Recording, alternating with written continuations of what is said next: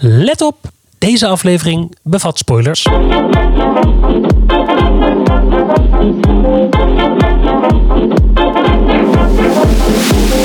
Ik vind hier iets van. De podcast met discussies zoals je die in de auto voert. Of in de trein, Of op het terras. of in een bubbelbad. Of overal dus. En het gaat over... Over... Over musical.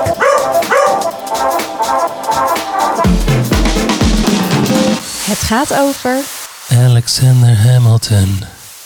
Nou, ja, dat wilde ik heel graag. Ik kreeg van tevoren de instructie om ehm, dit zo te zingen voor jullie. Ja, dat Ja. lijkt me zo leuk. Dan Ja. doe ik straks de Angelica. Ja, leuk. En Eliza en dat soort dingen. Leuk. We gaan het over Hamilton Ja, hebben. zeker. We hebben net 2 uur en 40 minuten. Oh, gekeken, twee hè? uur en veertig minuten. Het was best lang. Met een pauzedrankje ertussen. Ja, dat we hebben wel even lekker in het zonnetje op een terrasje gezeten tijdens de intermission. Ja, dat is wat we gedaan hebben. Even over andere dingen praten en toen weer door met eh, deel 2.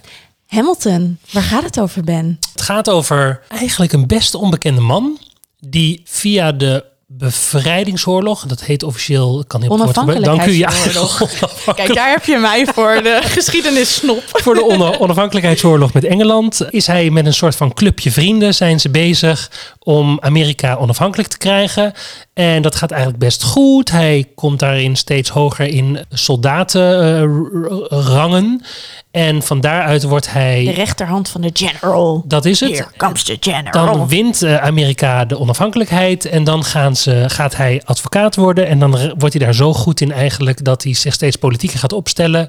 En eh, rechterhand van George Washington. probeert dan uiteindelijk de president van Amerika te worden. Maar dan heeft hij toch één foutje in zijn leven gemaakt en dat wordt hij dus niet. En daarmee zou je kunnen zeggen dat hij een van de grootste niet... Amerikaanse presidenten van, eh, van Amerika is. En daardoor ook een beetje in de vergetelheid is geraakt. Hij wordt aangekondigd en dat is ook echt zo. Hij staat op de 10 dollar. Oh ja? wordt- ja, het is echt zo. Oh, Dus? Daarom is het 10 dollar founding father without a father. Ah, mooi. Leuk hè? Ja, heel leuk. Goed Ja. feitje. Goed hè? Nou, dat leuk. is fantastisch. Nou, deze man is dus niet helemaal in de vergetelheid Nee, want hij staat op de geraakt. 10 dollar. Precies, maar van de Founding Fathers is hij wel zo'n beetje de onbekendste. En dat was de reden voor Lin-Manuel Miranda, die eh, de biografie ging lezen over eh, eh, Alexander Hamilton, om deze voorstelling te gaan maken. En weet, weet je wat heel leuk is? Ik heb geprobeerd die biografie ook te lezen, maar het was echt 700 pagina's en ik had te weinig tijd, maar ik ga het ooit nog wel doen. ik ben net geloof ik op pagina 60 of zo gestrand.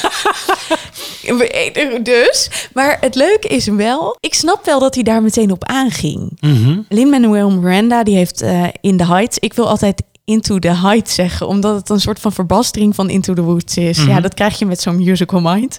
Maar ehm, nou ja, die heeft hij geschreven, wat Mhm. voornamelijk echt over zijn eigen leven ging. Hoe het Mhm. is om in de Washington Heights te wonen. Mhm. En toen, vlak na die première, is hij deze biografie gaan lezen. En toen dacht hij, deze man moet ik hebben. En weet je waarom ook? Mhm. Omdat hij dus echt zo'n soort van homo universalis was. Dus hij is natuurlijk ehm, militair geweest. Hij was eh, de advocaat. Hij was politicus. Maar hij was ook poet. Ah, dichter. Ja, en Lin-Manuel Miranda die dacht van... hé, hey, maar dit is leuk. Want de poetry van dit moment is spoken word, is eh, Ja. rap. En op deze manier had hij meteen een vorm om dit te gaan doen. En dat is wel heel erg tof. Ja, dat is zeker tof. Want er zit natuurlijk heel veel poetry, rap, spoken word, zang. Dus alles met tekst zit in deze voorstelling. Eh, heel veel zit er Nu zelfs komen in. we met mijn eerste statement van Mhm. vandaag. Het is toch, ik vind hier iets van. Mhm.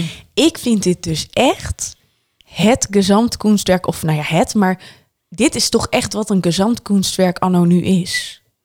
En daarmee bedoel ik gezamtkunstwerk. Ja, dan, ik kan daar ook nog heel theoretisch over worden. Maar ga Nietzsche maar lezen, dan kom je er vanzelf.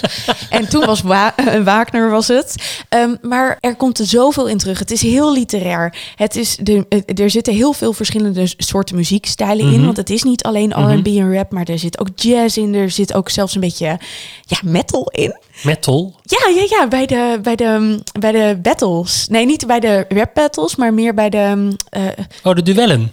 Nee, nee, de, de, de Oh, ten, het- ja, de, de, de, de, de- ten, de, it's Ja, the de battles, ja. precies. Ja. Waar ze gewoon ook door een echte microfoon zingen. Ja, precies. Ja. Het, zit, het is ook soms heel musical, dus het is heel eclectisch in, in muziekstijlen.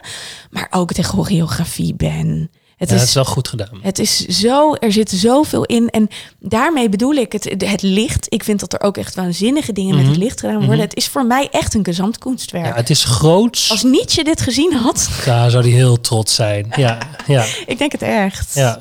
Toch ben jij niet een hele grote fan, hè? Nou, ik vind, nou ja, als ik één woord moet geven aan deze musical, dan is het veel.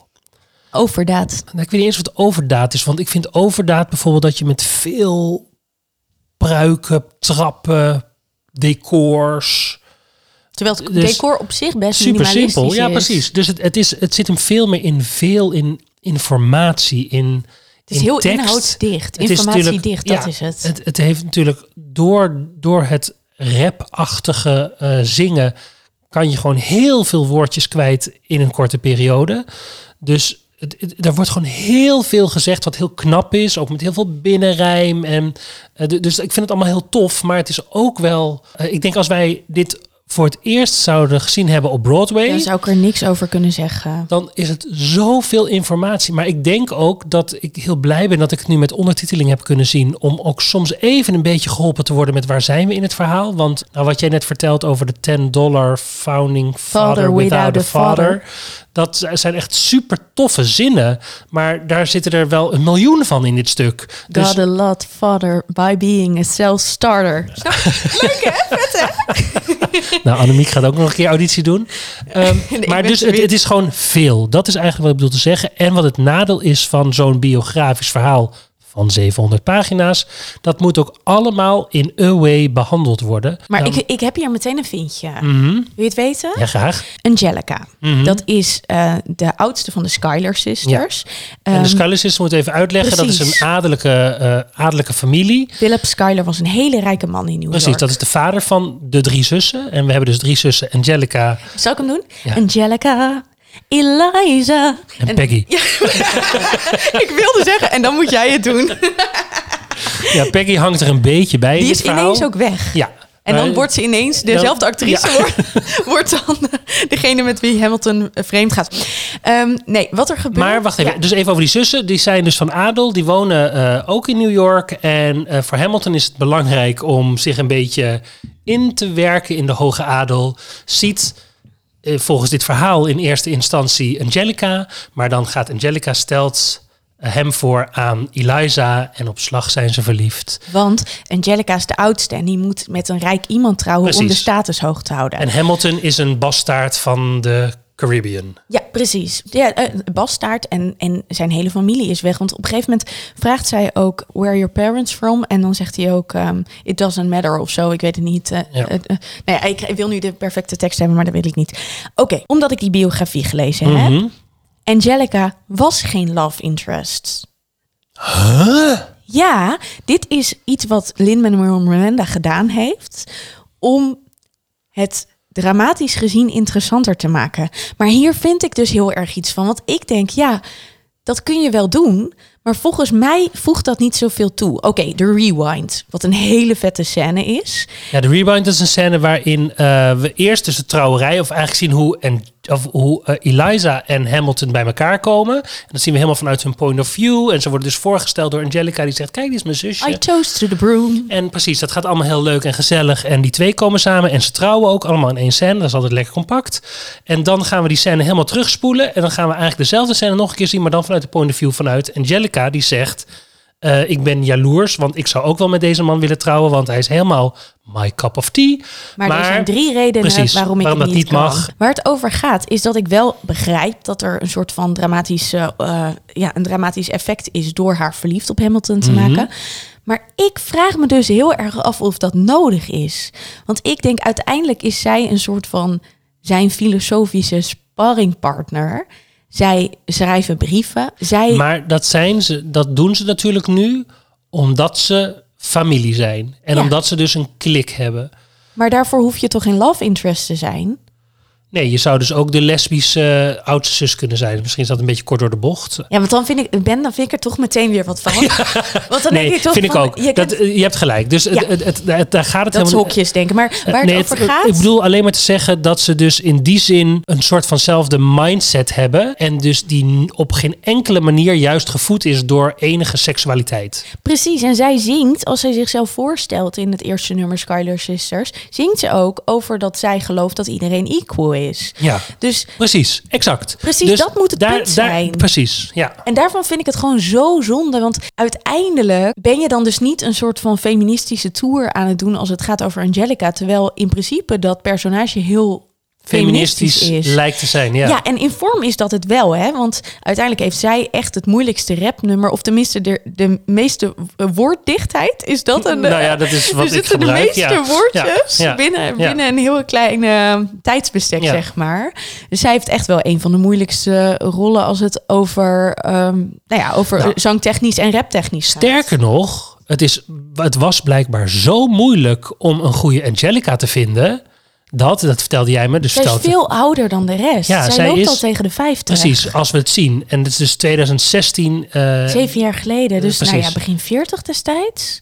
Want ze is nu bijna 50. Ja, dat denk ja, ik. Ik moet even opzoeken. goed, maar in ja. ieder geval, Ja, zij is zij is echt een ouder stuk dan de ouder rest. dan Ja, de rest. Maar blijkbaar heeft zij, zijn er maar zo weinig vrouwen die het talent hebben om zo'n nummer goed te kunnen performen. En zij stak daar met kop en schouders bovenuit dat ze zeiden, nou leeftijd maakt in ieder geval niet meer uit, want deze vrouw is gewoon fantastisch. Zij heeft hier ook een Tony voor gewonnen. Nou hè? ja, en terecht. Alleen, wat ik toch een beetje vind... Ik vind haar op een bepaalde manier toch de leading lady van het stuk. En ik weet dat het niet zo is. Hè? Want ik weet ook gewoon dat uiteindelijk Eliza... eh, ja, meer onstage is. En wat dat betreft een, misschien een dragendere rol heeft. Maar Mhm. ik vind uiteindelijk in skills... Vind ik, vind ik... Ja, maar dat, is, Ja. dat, dat, dat gebeurt heel vaak. Dat iemand één heel moeilijk nummer heeft en de rest Ja. van de voorstelling niet te zien is. Ja, dat mag je dan toch niet in volgens de wetten en regels tussen aanhalingstekens. Maar weet je wie ehm, gewonnen heeft dit jaar? eh, dat jaar in 2016 moet het dan geweest zijn, of 2017, weet ik even niet zo snel. Maar ik denk 2017, omdat het toen eh, op Broadway kwam. Weet je wie, of tenminste het is Nee, 2016 op 2016 is het op Broadway, Broadway dus zal de Tony Ja. Awards op- in 2017. Ja. Weet je wie Leading Man gewonnen heeft? Niet Lin-Manuel Miranda, maar die was wel genomineerd. Oh. Aaron Burr. Leslie Hupplepup. Ja, dus je kunt ook twee. Dat, is- dat gebeurt ook vaak bij... Dan begin ik weer met Les Miserables. Bij Jean, Jean Valjean. Hij niet toevallig ook een eh, best boek gewonnen of best musical? Want dat hebben ze toch Ja, gewonnen. maar hij was... Hij, Lin-Manuel Miranda was er voor Snap drie ik. genomineerd. Ja, maar dan ga je dat toch een beetje spreiden. Dat is allemaal heel lelijk, maar dat is ook, ook weer Maar het politiek. gaat erover dat, dat dus uiteindelijk Angelica ook voor Leading Lady genomineerd had kunnen zijn. Ah, zo in die zin. Ja, precies. Ja, vind ik wel. Ja. Ik wil het eventjes over, want wij zijn nu bij de historische accuraatheid aangekomen. Ja. Want dit klopt dus niet. Angelica was niet verliefd op Hamilton. Tenminste, wij kunnen nooit in haar hartje kijken en ze Nee. is al dood. Ja. Maar- Oh, al een tijdje ook hoor. Even maar. Maar toch, ze ligt wel naast hem begraven. Dat is dan wel weer grappig. Oh ja, Dat klopt, ja. Ja, op het zeker, einde. ja. Nou ja, dat, eh, kijk, de- er, misschien is er tension geweest, maar het is te groot geworden voor wat nodig is, vind ik. En juist ook als het gaat Nou, over... misschien is het zelfs onnodig geweest, omdat je daarmee iets zegt wat we in deze tijd, en daar wil ik straks nog even over terugkomen, over wat er nu alweer veranderd is tussen nu 2022 en 2015. Het, het, het is waarschijnlijk niet nodig geweest om die verliefdheid erin te stoppen. Hoewel er dus ook, je zou, als je gewoon met een simpel Amerikaans romantisch oog kijkt, het feit dat zij dus naast elkaar begraven liggen, dat zegt iets. Zouden zij niet gewoon een platonische relatie gehad Ja, het zou, hebben? eh, ik weet Dat- het niet. Wel even. dat? Nee, ze zijn dood. Oh, nee, maar, dus, de- Ja. maar ik, ik snap dus dat de, de kort door de bocht gedachte is... ze liggen naast elkaar. Blijkbaar zijn ze zo belangrijk voor elkaar geweest. Daar kun je Nou ja. dingen uit interpreteren. Misschien En- is het wel gewoon omdat Eliza niet meer zo goed kon lopen. En die dacht, ik leg ze naast elkaar. Want dan hoef ik niet zo ver te lopen. Ja, want Eliza leefde echt nog 50 Heel ja, lang. ja. En, eh, maar goed, waar het, eh, want we, we maken nu een bruggetje naar waar je het zo over wil gaan hebben. En dat is namelijk, hoe kijk je het met de ogen van 2022? Maar ik wil nog heel Ja, even, even, naar, terug de naar de geschiedenis. geschiedenis. Ja. Want eh, niet alles klopt dus. Nee. En dat is ook logisch. Want als jij het wilt dramatiseren, dan is het niet interessant om de chronologie, al zijn ze behoorlijk chronologisch gebleven. Ja, het, maar ik bedoel ook niet zozeer dan in chronologie waar ik me eh, twijfels heb zitten. Ik vind dat er een aantal, vooral dus tussen Hamilton en Burr, daar zitten wat lijntjes die lopen eigenlijk Je hebt heel Aaron Burr nog niet voorgesteld. Oh, eh, eh, dat is een goeie. Ja, dat is echt de tegenpol van, van Hamilton. Die eigenlijk dus min of meer hetzelfde pad bewandelt als hij. het is waar- de Javert van eh, Jean, Jean Valjean. Valjean, precies. Waar, waar Hamilton overal eigenlijk steeds zich binnen weet te lullen... is Burr het braafste jongetje van de klas. Die is eigenlijk beter onderlegd. Die is verstandiger. Maar die is niet zo bravoer. En daardoor faalt hij altijd waar Hamilton slaagt. En Ja. wordt hij jaloerser en jaloerser en jaloerser. En dat is ook het eindduel waarin ze een gevecht gaan hebben.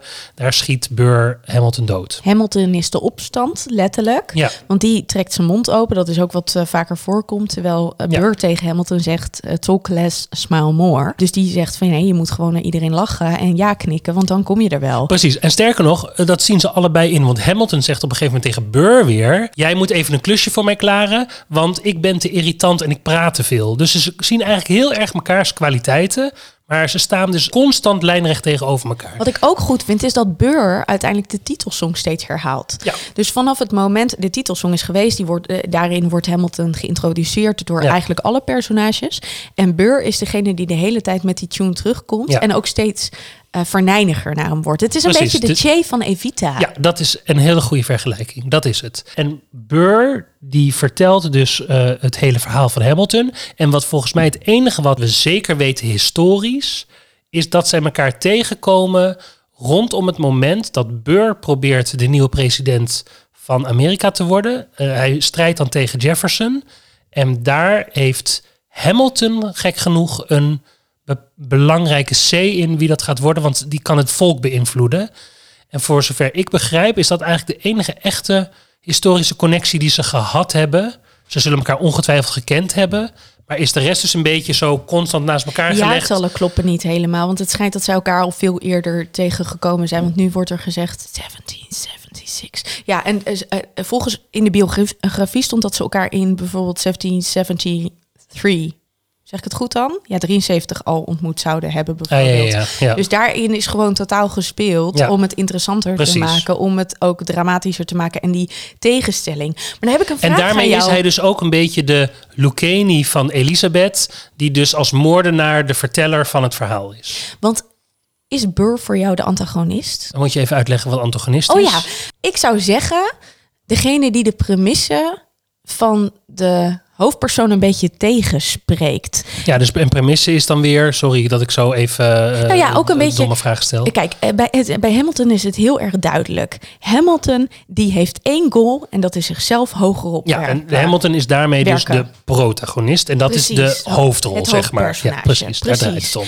Nou, en ehm, de antagonist die gaat daar tegenin. Die is eigenlijk, ja, die verzet zich. Die, eh, die is ook nodig om een verhaal te vertellen. Want anders is een verhaal niet interessant. Want anders gaat het allemaal van een dakje. Ja, nou en ik... De, mm, mm, mm, de Ik- tegenwerper. Ja, eh, ik denk zoals het stuk gemaakt is, dat het wel de bedoeling is om dat, om dat te voeden. Daarom heeft hij denk ik ook een veel grotere rol in het leven van Hamilton in de musical dan dat hij dat in het echte leven gehad zou Maar hebben. weet je wie ik dacht dat de antagonist wel een beetje was? Nou, Ik zou toch Eliza ook zeggen. Want oh, want? nou, Eliza, dat is dus uiteindelijk de tweede van de Skylers, is dus Ja, de vrouw van trouwt. Hamilton. Ja. Eh, Het, het grote doel van Hamilton is, dat, is een, leg- een legacy nabouw, Ja. eh, nalaten. Hij wil als hij dood is nog herinnerd blijven. Exact. Wat gelukt is, want hij staat op een tientje. Door Eliza, inderdaad. Ja, ja nou precies.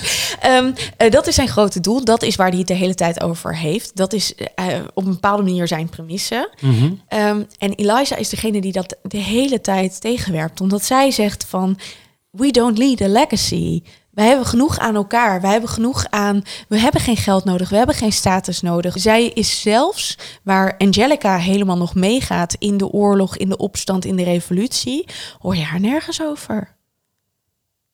Nee, dus zij moet vooral het thuisfront Zij haalt, hem naar, zij haalt hem naar huis. Ja, maar daarmee zeg je dat zij een actieve rol heeft in het hem tegenwerken. En in mijn gevoel is dat, werkt zij hem niet tegen. Zit zij al- alleen maar gewoon voor de thuissituatie te zorgen en probeert hem gewoon een beetje rustig te houden. Zoals een goede vrouw in die tijd dat behoort te doen. Maar ook als ze zichzelf uit de narrative haalt, bijvoorbeeld in Burn. Want dan zegt ze wel van eh, niemand zal weten eh, hoe Eliza reacted eh, op wat er gebeurd is. Hamilton is vreemd gegaan. En zij zegt, ik verscheur al mijn brieven, zodat niemand zal weten hoe ik gereageerd heb. Want dat straalt op hem af. Dat Nee, dus op daarmee, zijn legacy precies, af. maar daarmee steunt ze hem dus te veel en werkt ze hem eigenlijk niet tegen. Ik vind dat ze hem eigenlijk. Hij is in die zin ook niet tegen te houden. Ik zou veel eerder zeggen dat hij is tegengehouden door Amerika. Door het, door het ontstaan van Amerika, waarin hij geprobeerd heeft helemaal zijn gedachtegoed op Amerika te plakken. En dat bleek veel wispelturiger en veel meer politieke krachten te werken dan dat hij waar hij invloed op had. Ze zeggen zoiets van ze gingen met drie mannen gingen ze eh, essays schrijven om de grondwet eh, meer body te geven. 85, ze wilden er 25, het werden precies. er 85 en 51 daarvan werden, werden door hem geschreven. Precies. Ja. Dus hij had een soort van bewijsdrang en kreeg dat maar niet op Amerika Why you geplakt. run like you're running out of time? Dat is het. Ja, precies. Ja, dus precies. dat er zit een soort van, van waarom moet je zo hard werken?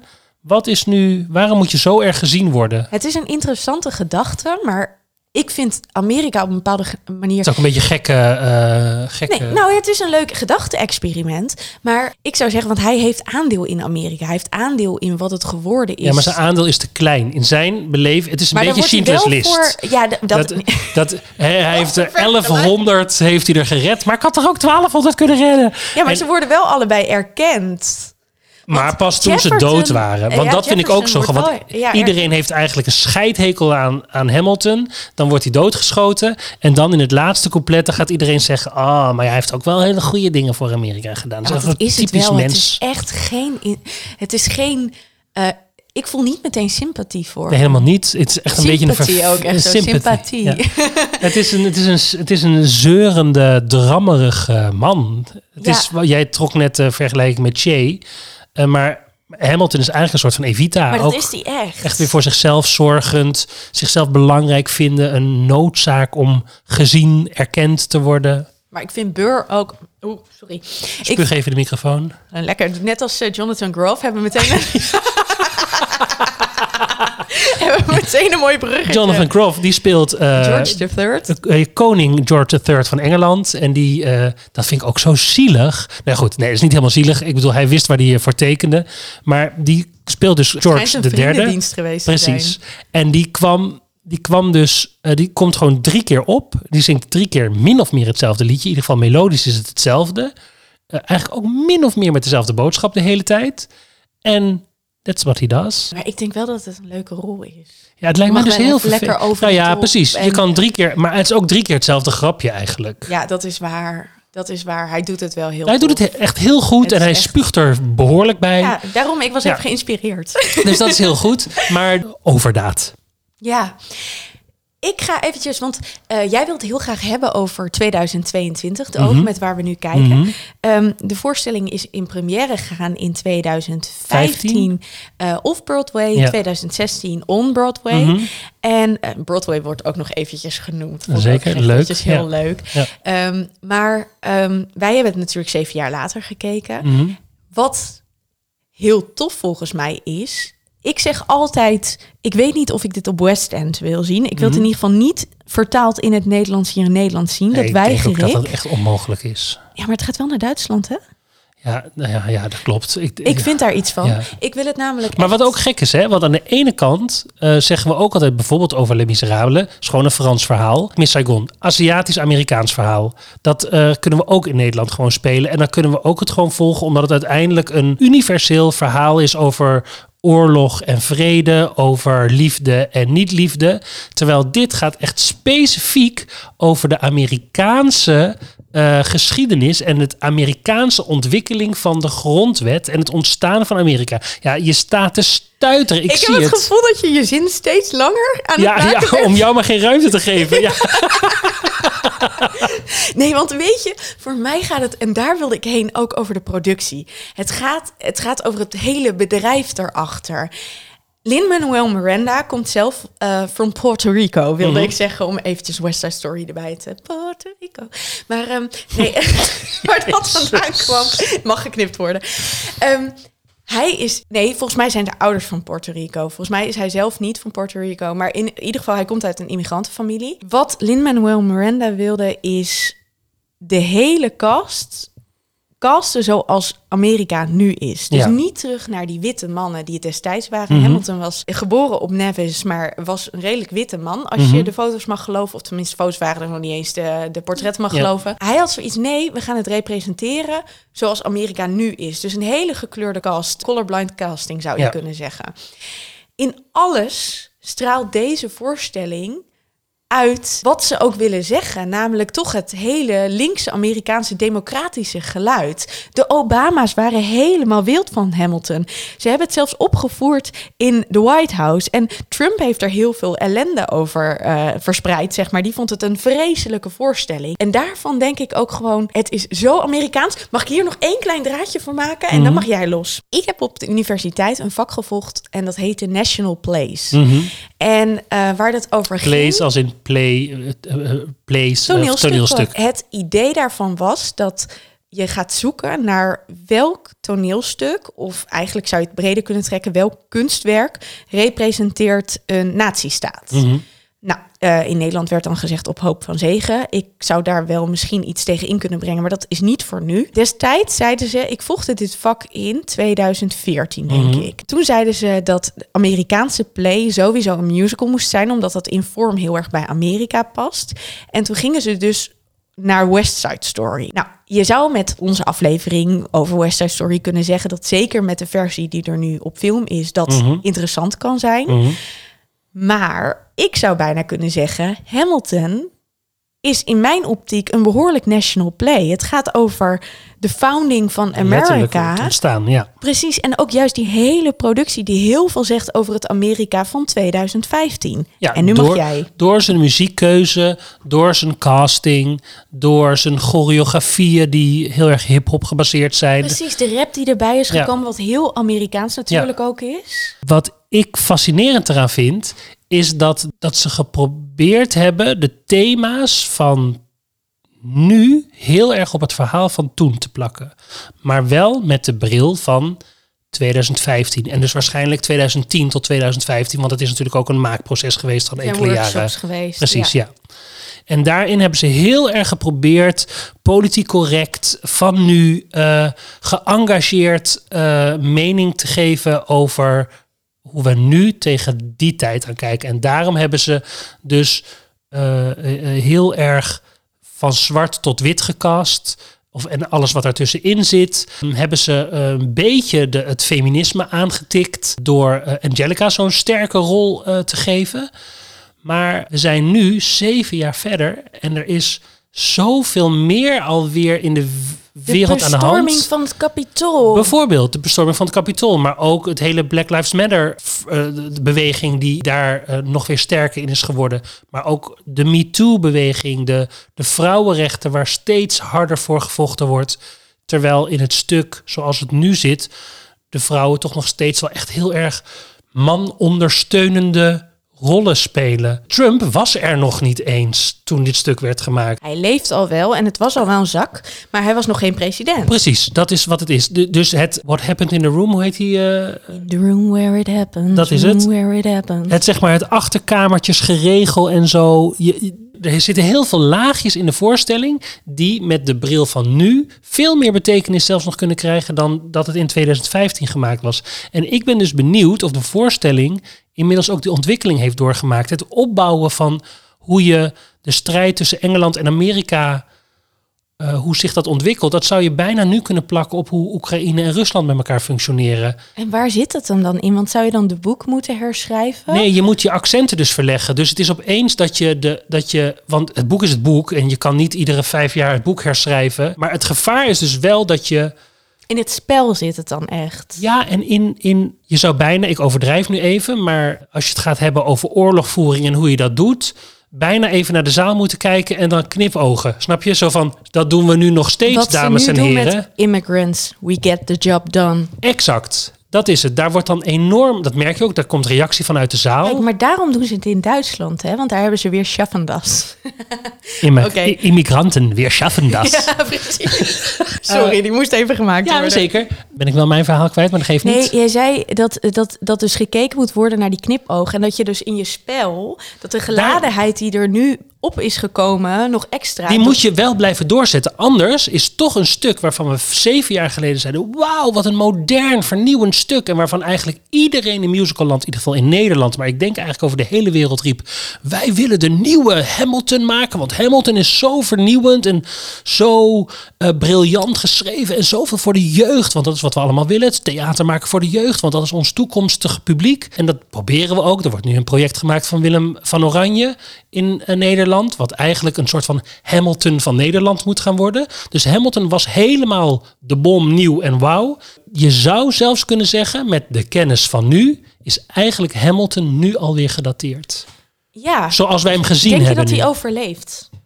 Denk je dat het een stuk is die over À la 50 Les jaar... Ja, precies. Nee, want we hadden het net over de productie. Mhm. En eh, toen ging het natuurlijk over hoe het helemaal eh, in opzet al woke is, om het zo ja, maar ja, te zeker. zeggen. Maar En- nog niet zo woke als dat we nu zijn. Ja, Precies, exact. dus dan zou de productie echt wat dat betreft... De, de vraag is dus over, of dat over 50 jaar nog steeds zo is. Nou, ik vind in ieder geval dat je als taak hebt, als je pre- pretendeert woke te zijn, zul je ook woke moeten blijven. Dus zul je altijd je accenten moeten blijven aanpassen op waar de tijd is. Want anders word je net zo gedateerd en word je net zo'n oude lullen stuk als dat we dat nu. Eh, Anders wordt het toch een beetje op, ho- eh, op hoop van zegen. Bijvoorbeeld, op Hoop van Zegen is een beter voorbeeld. Ja, toch? Ja.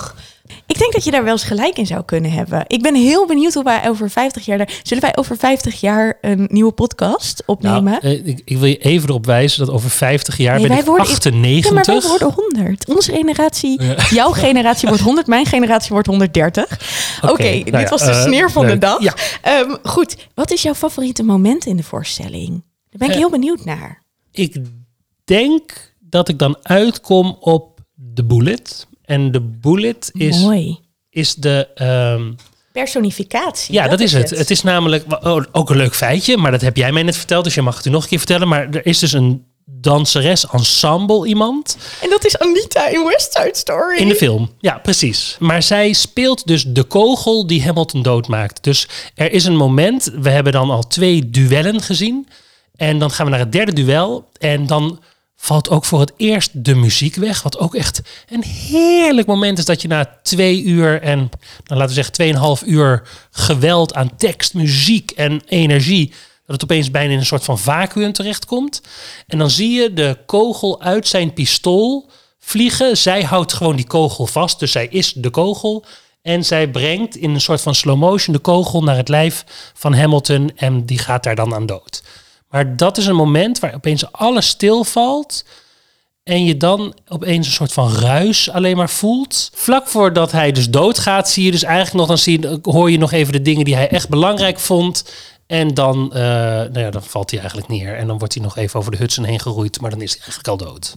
Ja, dat is echt top. Het is echt een heel tof moment. Omdat in alle energie het weer terug gaat naar de simpelheid. En dan om nog één keer de vergelijking met Evita te maken. Eh, daarin zit ook maar één moment van stilte. En eigenlijk gaat de hele voorstelling over dat moment van stilte. Van hallo, kijk wat je bereikt hebt. Kijk waar je mee bezig bent. Hier heb je voor gevochten en was dit het nou waard? Zit er een catharsis in dit stuk, Ben? En met een catharsis, dat is ook weer natuurlijk echt theatertaal. Dat is het moment, officieel is dit het moment van zuivering. En dan gaat het niet zozeer over het personage zelf, maar eigenlijk over de zaal. Dus de zaal moet na het zien van zo'n moment het gevoel hebben dat ze gereinigd zijn. En dan gaat het eigenlijk, je komt tot inzicht. En dat kan emotioneel zijn, dat kan rationeel zijn. Zit dat in deze voorstelling? Mm, moeilijk. Kijk, ik maakte op een gegeven moment tijdens het kijken de vergelijking met empty chairs en empty tables. ehm, waarin Marius letterlijk de vraag stelt: was het waard? eh, was dit alles waard te sterven? Mhm. Wordt die vraag gesteld? Ik heb niet het idee dat, dat behalve rondom Philip, Philip heeft, is de zoon. Ja, heeft Hamilton volgens mij nergens berouw. hij zegt tegen Philip, en dat is uiteindelijk ook waar hij zelf aan dood gaat, want Philip gaat ook dood in een duel. Dat is echt super zielig.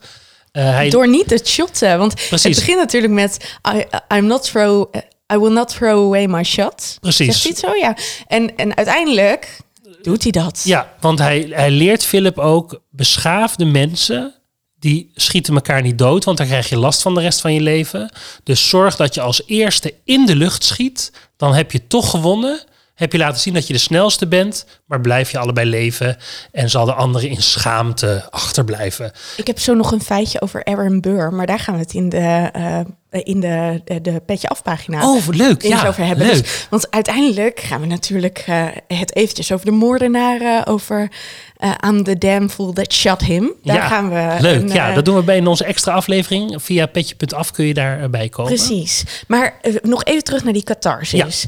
Ja. dus de catharsis ja. zit hem dus wat mij betreft na het moment dat hij dus wordt doodgeschoten. Dus daar zou een catharsis kunnen zitten, zou je kunnen zeggen. Omdat hij dan eigenlijk ziet... het heeft dus allemaal niet zo heel veel zin om je kapot te werken... en uh, dit allemaal te doen. Maar dan gaat toch zijn vrouw zijn legacy voortdragen. Ja, en wat ik hier dus dan...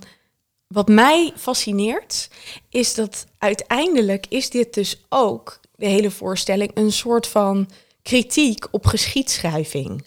Want geschieds, eh, eh, meerdere keren vocht History has its eyes on you. Mhm. Ik zou bijna willen zeggen, is dat history of is dat today? Want dat is echt iets anders. History wordt uiteindelijk altijd achteraf geschreven. Ja. Geschiedschrijving is iets wat achteraf plaatsvindt, terwijl het meemaken, er zijn, uh, wat eigenlijk journalistiek veel meer is, dat, hoewel dat ook natuurlijk vaak achteraf wordt geschreven, maar verslaglegging is gewoon toch nog iets anders dan geschiedschrijving. Nou ja, precies, het verhouden in het heden tot wat er gebeurd is. Ja. Hetzelfde als dat wij gaan ooit over 50 jaar zeggen, daar is de derde wereldoorlog begonnen. Ja. En dat lijkt nu heel erg op het moment dat Rusland Oekraïne binnenkwam. Maar ik denk dat we over 50 jaar gaan zeggen, maar dat gebeurde eigenlijk al bij de Krim. En misschien gebeurde het al daarvoor en zitten we al, zonder dat we het weten, tien jaar in een uh, derde wereldoorlog. Dus dat is wat geschiedenis doet. Die gaat terugrekenen waar is het moment geweest. Maar wat jij volgens mij wil zeggen is hoe je verhoud je op dit moment tot het feit dat er oorlog is. Nou, en dat Eliza bijvoorbeeld heel duidelijk in, in eerste instantie zegt van... Uh, nou ja, ik haal mezelf uit de narrative, ik haal mezelf uit het verhaal. Want ik Precies. wil niet weten op het moment dat hij vreemd gaat, uh, wil... Uh, dat hij vreemd gaat, wil zij niet dat, ze, dat haar reactie hierop uh, de wereld in Precies. gaat. Dus zij verbrandt alle brieven. Ja, precies. Um, maar ook als signaal aan hem van ik ga eruit, want zoek het maar lekker uit. meer mee te maken ik wil geen onderdeel van jouw verhaal zijn. uiteindelijk vertelt zij de narrative. Dat is ook hoe het eindigt. Wat Ja. een, uh, nou ja, een, een keuze van haar is. Maar het is gekleurd. Want zij vertelt het verhaal met haar ogen. Ja, precies. En dat is, eh, dit, dit is het uiteindelijk voor mij dus ook een soort van statement. Zo van, en wij vertellen met de ogen van nu dit verhaal Ja. over Hamilton. Ja. Maar alles is gekleurd. Ja. Eén Alles is nog. gekleurd. Welk nummer? Ja, dat is echt. Maar ehm, welk nummer moet op de Spotify-lijst? Wat is jouw lievelings? Oh, dat vind ik best moeilijk. Eh, eh, eh, work vind ik heel goed. Dus hoe heet dat officieel? Skylar Sisters. Oh, de Skyler Sisters, ja precies. Het voorstellen van de zussen vind ik tof. De opening is natuurlijk heel goed. Ja, dat is misschien wel mijn lievelings. Ja. Maar ik vind ook, ik ben, ja, ik vind toch ook gewoon eh, The Room heel goed. The Room Where It Ja, ja, ja, precies, ja. Ja, en er zijn er meerdere, joh. Ik, Het is een beetje een gek, gek ding om losse nummertjes erop te zetten. Je zou bijna zeggen, eh, ga allemaal echt even goed naar die cd luisteren. dit is er ook eentje die je eigenlijk niet op shuffle moet zetten. Je moet hem echt Precies, chronologisch exact, luisteren. ja. Want wat je, wat je bij heel veel eh, voorstellingen hebt, is dat het niet chronologisch verteld wordt. Dat Ja. er veel flashbacks en alles Ja. zijn. Dat zit hier. Nee, en behalve de remi- ja. eh, rewind en dan is het heel duidelijk. Dus dat, dat, nee, dat, het is heel helder wat dat betreft. Ja, want je zou ergens ook kunnen zeggen dat door de, door de veelheid de, de muziek op elkaar lijkt een beetje. En het, het floot dus eigenlijk in. Het zijn eigenlijk geen losse nummers. Het is één lang verhaal van muziek. Mag ik dan mijn grote kritiekpunt op de voorstelling geven? Oh, leuk. Want ik ben dus echt wel hooked. Ik ben echt eh, Hamilton-minded. Ik vind Mhm. het fantastisch. Maar ik vind echt de showstopper echt slecht. En dat heeft ermee te maken dat meestal als je showstopper... wat hier ook gebeurt, zit toch wel herhaling Mhm. in... van wat er eerder gebeurd is. Ja. Een soort van samenvatting voordat je, eh, de, eh, nou ja, voordat je de pauze ingaat... en daarna tweede acte. Maar er zijn zulke sterke nummers voor de pauze verder... dat de showstopper totaal in het niet valt. Nou, er is niet echt een showstopper. Nee. Sterker nog, we keken en dan heb je het eerste duel. En dan gaat Hamilton daar nog even iets over zeggen. En toen dacht ik, oh, hier had de pauze moeten zitten. Ja. Want dan, dat is bijna een anti-showstopper. Want het loopt dan een beetje leeg. Maar, dat vind ik dan wel weer wel. tof. Ja. Ja. En dan heb je een soort van overweging van, ah, oké, eh, hier staan we op dit moment. En dan is ook volgens mij het volgende nummer zingt Burr dan. Eh, die gaat weer een hele verhandeling houden over wat hij de hele tijd doet. En dat zou eigenlijk ook een hele goede opening voor de tweede acte zijn. Volkomen mee eens. En dan heb je ook toch nog beter de scheiding tussen revolutie en de Congress. Ja, eh, precies. part, zeg exact. maar. Ja, exact. Want daar houdt dus de, de, het gevecht op. We hebben gewonnen. Uh, Amerika is onafhankelijk. En dan begint het gewone leven in acte 2. En dan zou je ook meteen, dan is acte 1 wat korter. Kan je acte 2 ook wat korter maken. Zijn we allemaal blij. Helemaal goed. Wij gaan het eh, over Aaron Burr hebben, sir. Ehm, Burr, sir. Ja. Ja. die moest toch eventjes ook gemaakt worden. Eh, maar dat gaan wij doen op onze speciale Petje Af aflevering. Ja, en waar jij naar kan luisteren. Dat is hartstikke leuk als je dat wil doen. En het mooie is dat je ons daarmee steunt. Dat kan je al doen voor 3 euro per maand. Dan, Dan geef je ons een ons. applausje. Ja, vinden we echt heel fijn. Maar je kan ook jezelf nog een beetje verwennen door 2 euro extra te betalen. Dus en je 5 staande euro. ovatie te geven. En dan geef je ons inderdaad een staande ovatie. En als je dat doet, dan help je ons, dat doe je trouwens ook al met een gewoon applaus, help je ons naar ons goal. Want we hebben een doel. We willen van deze inkomsten, willen we Eigenlijk het liefst Hamilton op Broadway zien.